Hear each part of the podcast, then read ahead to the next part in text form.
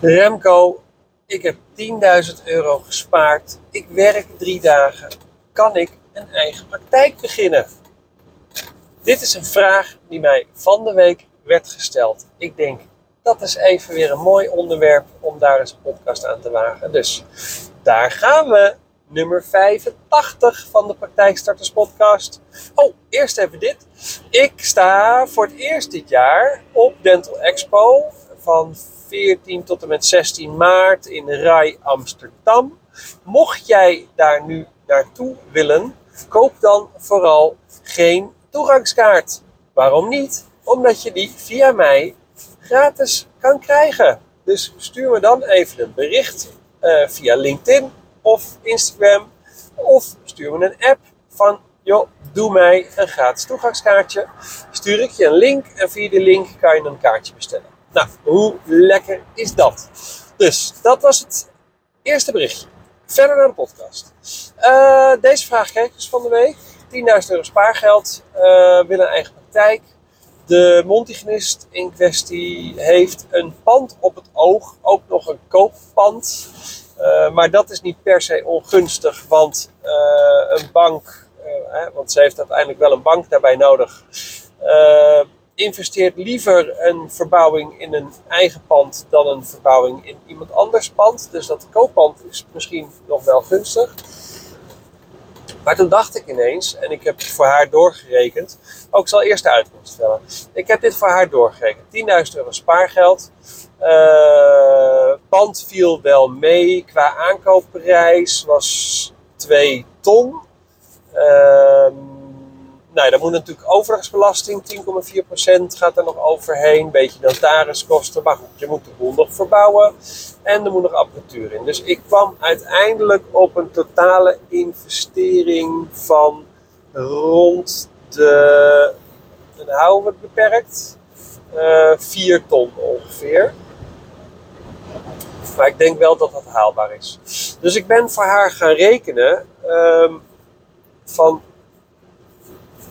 wat nou als we 15 patiënten per maand inschrijven uh, en tijdens de verbouwing zich al 80, 80 patiënten hebben ingeschreven en we daarmee van start gaan? Nou, dan kijk ik vervolgens naar wat, hoe is zij gewend om te behandelen. Dus wat is haar gebruikelijk omzet op dit moment. Want ik ga ervan uit dat de manier waarop ze nu behandelt, dat dat ook de manier zal zijn waarop ze straks haar eigen patiënt gaat behandelen.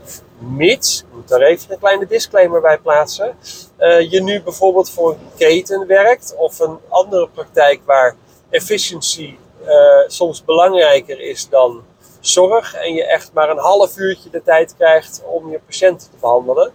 Uh, van die Montigenisten zie ik vaak terug dat op het moment dat ze nu een half uur werken, dat ze in hun eigen praktijk uiteindelijk toch wel 40 à 45 minuten bezig zijn. Niet alleen omdat ze dan iets meer rust hebben voor wat betreft de behandeling en dus ook meer kunnen declareren, maar ook omdat ze in hun eigen praktijk automatisch de patiënt meer aandacht gaan geven en uh, en gewoon een kletsje met, met elkaar heeft en gewoon vragen hoe het gaat. En je moet natuurlijk alles verder zelf regelen in je eigen praktijk. Dus je moet de kamer weer helemaal klaarmaken voor de volgende patiënt. Codes invoeren, nou dat allemaal. Dat moet je sowieso trouwens. Maar die kamer moet je wel weer helemaal klaarmaken. Dus drie kwartier, dat, dat redden ze over het algemeen wel. Dus ja, je declareert per patiënt wat meer. Maar je neemt ook wat meer de tijd om, uh, nou, om gewoon even, echt, echt even te zijn voor je patiënt. Dus daar hou ik dan wel rekening mee. En mijn stem die gaat het spontaan begeven. Dus ouderwets slokje water. Wacht even. Zo. Um, nou, daar rekening mee houden. Dus ik heb het voor haar doorgerekend. En het blijkt dat het allemaal betaalbaar is. Ze blijft namelijk nog een tijdje wel als ZZP'er werken. Uh, voor twee dagen in de week. Daar komt een inkomen uit. En daarmee zou ze dus deze praktijk. Nou, voor haar ging een wereld open. Maar wat zij, nou ja, nu wel, maar niet, zich niet realiseerde. Uh, zij heeft op de achtergrond heeft ze nog andere zekerheden waar ik ook naar kijk. Want ik, ik vraag altijd iemands inkomstenbelastingaangifte op. Um, dat heb ik ook bij haar gedaan. Nou, zij is getrouwd. Uh, in gemeenschap van goederen. Uh, haar partner heeft ook een inkomen. eh, ze heeft een woning. Daar zit een stukje overwaarde in. Niet heel veel, maar er zit overwaarde in. En dat is precies wat een bank namelijk ook doet. En ik hou daar alvast rekening mee in het begin. Een bank die kijkt naar de zekerheden ehm, die er nog meer zijn op het moment dat uh, ja, iemand een lening aangaat. Kijk, en die zekerheden die zijn er soms al. Dus in dit geval heeft haar partner in inkomen. Ze hebben een uh, gezamenlijke woning waar een overwaarde in zit. Uh, dus mocht het misgaan met nou ja, iets, stel je wordt langdurig ziek of je breekt je pols en je bent een tijdje uit de running. Um, nou, dan is er altijd nog een extra inkomen waarmee in ieder geval je privéleven betaald kan worden.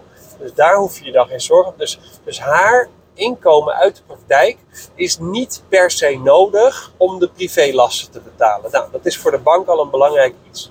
Maar goed, dan moet je nog je zakelijke lasten natuurlijk wel gewoon doorbetalen. Nou, daar kan je je tegen verzekeren. En dat is waarom een bank eigenlijk altijd wil dat je een, een ORV, een overlijdensrisicoverzekering, afsluit. Dat mocht er iets met jou gebeuren, dan keert die overlijdensrisicoverzekering uit en wordt de lening in één keer helemaal afgelost, zodat niet jouw nabestaanden uh, worden opgeschreven met die lening uh, die je nog hebt voor je praktijk.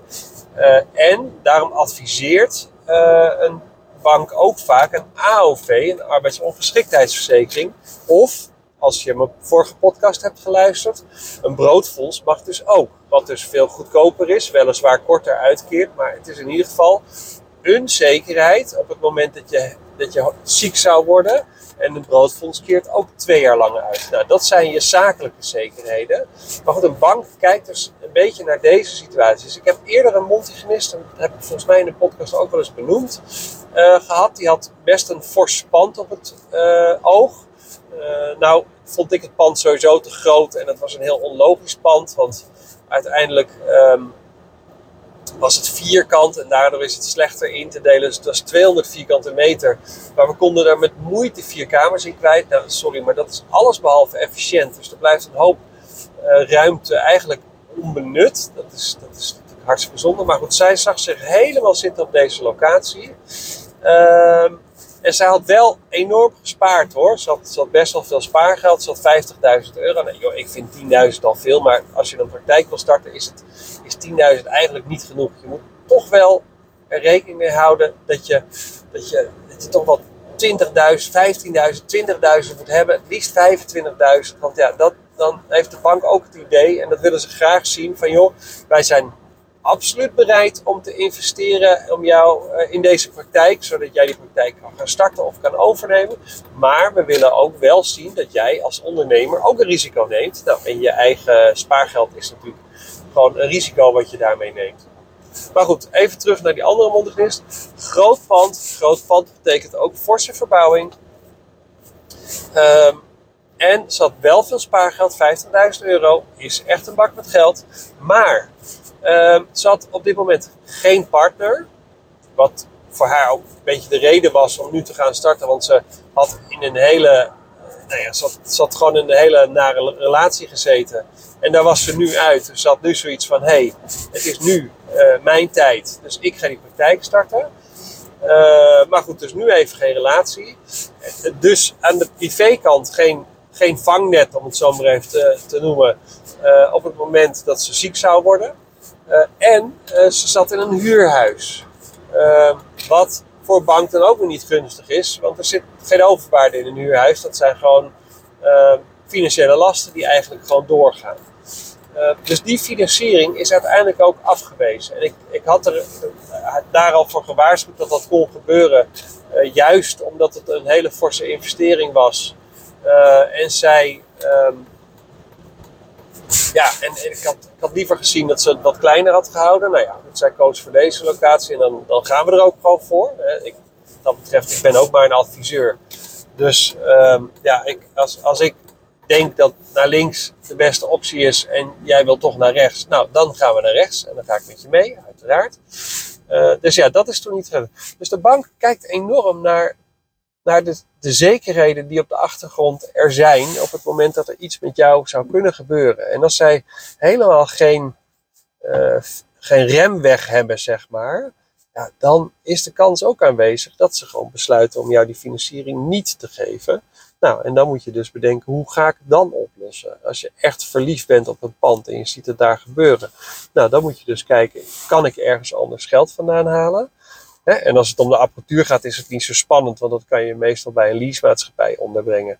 Maar goed, het gaat altijd met name om de verbouwing. Want een, ja, een wil best een deel van de verbouwing financieren, uh, maar niet alles. Want een, kijk, een leasemaatschappij is gespecialiseerd in het, in het verstrekken van leningen, of lease in dit geval, voor apparaten. Dus eigenlijk alles met een serienummer, dat willen ze heel graag doen.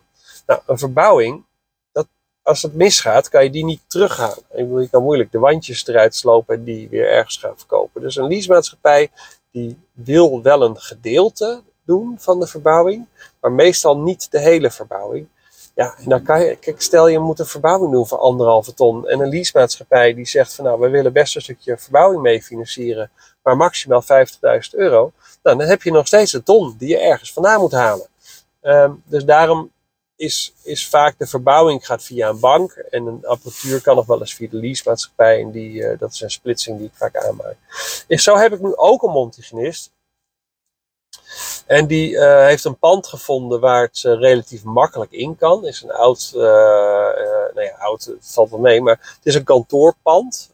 de indeling is best wel oké al, dus er kunnen wat wanden blijven staan. Ze moet wel wat met de vloer doen. Maar goed, ze kan er makkelijk in. Dus zij moet vooral investeren in apparatuur. En ze heeft een relatief ehm, kleine verbouwing voor de boeg. Dus ik zei al tegen haar, nou, voor jou kunnen we wel in principe bij een leasemaatschappij terecht. Want die willen sowieso de apparatuur wel financieren. En uh, dat stukje verbouwing, eh, misschien is het maximaal 20, 30.000 euro. We wachten op dit moment op de offerte van de aannemer. Uh, dat kunnen we dan ook nog wel bij de leasemaatschappij onderbrengen. En dat is niet zo heel erg. Tuurlijk, de, de rente bij een leasemaatschappij ligt ietsje hoger dan, uh, dan bij de bank. Maar dat, ja, scheelt een procent. Uh, maar dan nog is het proces veel sneller. Uh, dus wat dat betreft, kijk, bij een bank heb ik, heb ik drie weken nodig en een, en een compleet ondernemingsplan. Bij een leasemaatschappij kan ik aankomen met uh, in ieder geval een, een, een, goed gedegen financieel plan. Uh, en heb ik waarschijnlijk binnen, binnen drie dagen een antwoord. Dus die processen zijn gewoon vet veel sneller dan, dan een bankair proces. Maar in dit geval hebben haar ouders gezegd van joh, wij hebben op dit moment geld op de spaarrekening staan wat daar niks doet. Uh, wij hebben enorm vertrouwen in, in jouw plannen. Dus wij willen wel graag jou een lening verstrekken. Nou, hoe cool is dat? Heel eerlijk, als ik later in deze positie eh, ben en mijn kinderen uh, besluiten om een eigen bedrijf te gaan beginnen. En ik heb ook spaargeld staan, wat ik niet per se nodig heb. Nou, dan ben ik ook de, de eerste die tegen mijn kinderen zal zeggen van joh, leen het dan van mij. Kijk, in dit geval wordt het wel een officieel ding. Dus zij gaat gewoon straks aflossen en ook rente betalen aan haar ouders. Uh, dat wordt gewoon op papier gezet. Dus het is verder een soort zakelijke lening die je met elkaar uh, uh, aangaat, maar wel vanuit de familie. Nou, voor haar is het gunstig, omdat de rente lager is dan dat ze bij een bank zou moeten betalen. En voor hun is het gunstig, want zij krijgen juist een hogere rente uh, dan dat hun spaargeld oplevert bij de bank. Dus nou, het is voor alle twee een win-win uh, situatie. Maar goed, dat wilde ik vandaag kwijt. Een bank kijkt dus niet alleen maar naar je spaargeld, al is het wel belangrijk. Ze kijken ook naar eh, wat voor zekerheden zitten er nog meer in voordat we deze lening kunnen uh, verstrekken. Uh, en die zekerheden zitten dus ook in het hebben van een eigen woning, uh, een partner die ook verdient. Uh, en zo, ja, zo zijn er nog heel veel meer dingen waar ze naar kijken. Nou, daar kijk ik dus ook naar. dus daar hou ik al rekening mee. Ja, het is een beetje drukkig hier, dus mensen worden altijd een beetje zenuwachtig, want die willen naar hun werk en dan gaan ze toeteren. Nou, dat. Dus als je toeter hoort op de achtergrond, dat klopt. Want mensen zijn een beetje, nou, wat ongeduldiger tegenwoordig in de auto. ja, dat was het. Nee, ik ga er ook niet meer woorden aan vuil maken. Ik denk dat ik een heel goed, uh, een goede indruk heb gegeven in uh, uh, waar een bank naar kijkt. En, en waar een, een financieel vangnet zou moeten zitten. En dat gaat jou weer helpen straks als jij je eigen praktijk gaat starten of overnemen. dus daar laat ik het bij. Um, tot de volgende podcast.